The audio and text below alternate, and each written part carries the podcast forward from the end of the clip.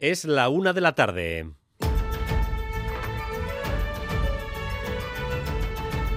Crónica de Euskadi con Dani Álvarez.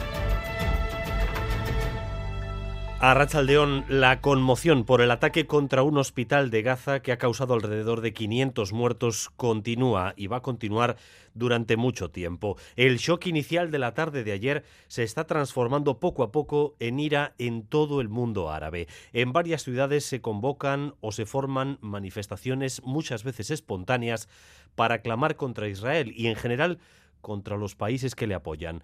La mayoría de imágenes que nos llegan siguen siendo de muertos y de heridos, todas ellas extremadamente dolorosas. Corre la sensación de que esta masacre puede ser un punto de inflexión, o bien para aumentar la escalada o bien para que las partes activen el diálogo. A estas horas todavía no hay una verificación definitiva sobre quién lanzó ese proyectil, aunque hay pocas dudas de que haya sido Israel. En todo caso, ambos bandos se están acusando mutuamente.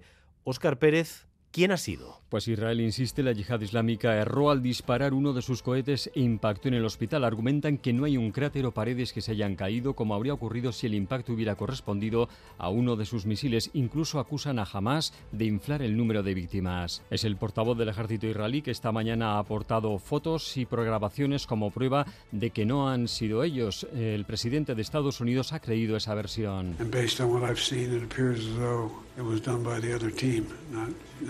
El mundo árabe, en cambio, no tiene dudas. Fue Israel con uno de sus misiles porque nadie en Palestina es capaz de provocar tantas víctimas.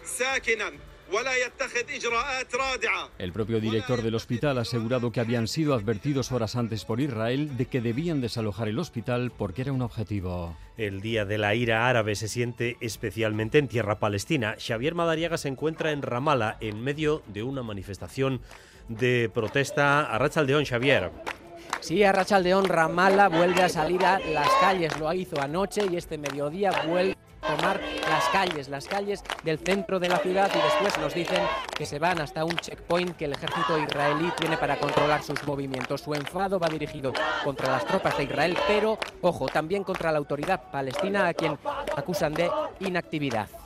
Además, esta mañana en Boulevard ha estado el consejero de Economía Pedro Azpiazu respuesta a las exigencias de subida salarial por parte de varios ámbitos del sector público.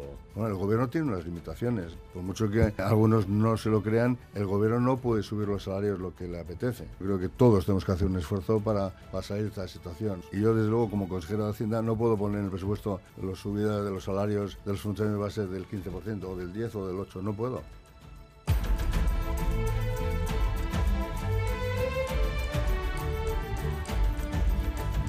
Tráfico inicia una campaña para evitar atropellos en mayores de 65 años. El año pasado, la mitad de las víctimas de atropellos eran personas que superaban esa edad.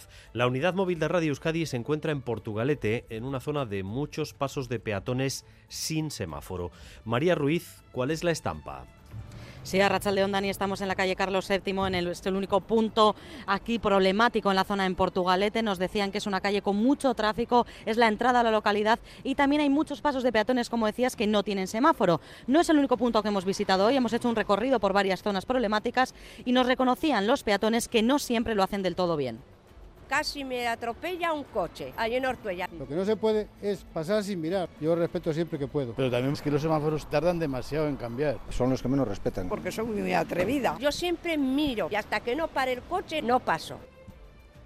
Eso sí, hemos visto también coches que frenan en el último momento o que van a más velocidad de la permitida. Lo que hemos constatado esta mañana es que tanto peatones como conductores ambos cometen infracciones. Cuatro detenidos por la paliza a un joven ante una discoteca de Pamplona.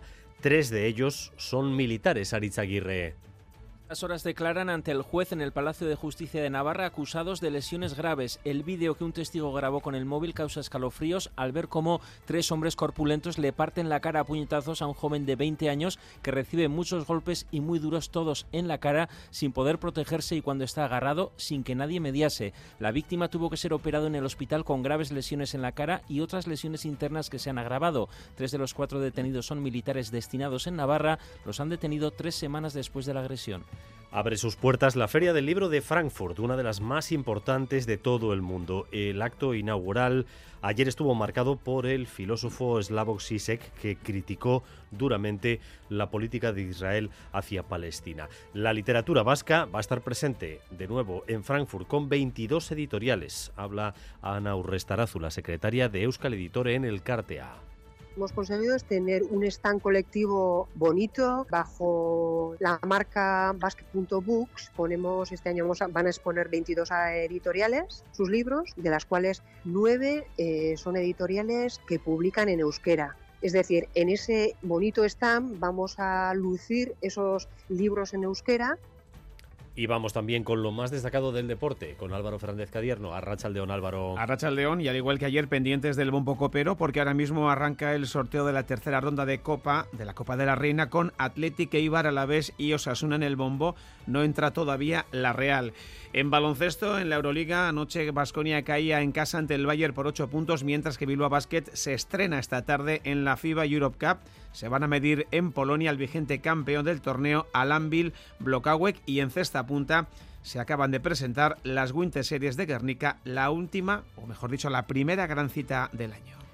Precaución ahora mismo en cuanto al tráfico en Vizcaya, en la Vizcaya 636, en Oquendo, sentido Balmaseda, porque dos coches han chocado y están ocupando un carril. Corredor del Cadagua, en Oquendo, sentido Balmaseda, un choque entre dos vehículos ocupan un carril. En cuanto al tiempo, cielos prácticamente despejados a esta hora, la nubosidad volverá por la tarde y también el viento que nos ha dejado esta pasada noche rachas que han superado los 100 kilómetros por hora en varios puntos. El gobierno vasco volverá a activar esta medianoche el aviso amarillo por fuerte viento hasta las 9 de la mañana del jueves. De momento 25 grados en Donostia, Bilbao o Bayona, 21 grados de temperatura en Vitoria-Gasteiz y en Iruña. Gracias un día por elegir Radio Euskadi y Radio Vitoria para informarse. Raúl González y José Ignacio Revuelta se encargan de la dirección técnica y María Cereceda de la coordinación. Crónica de Euskadi con Dani Álvarez.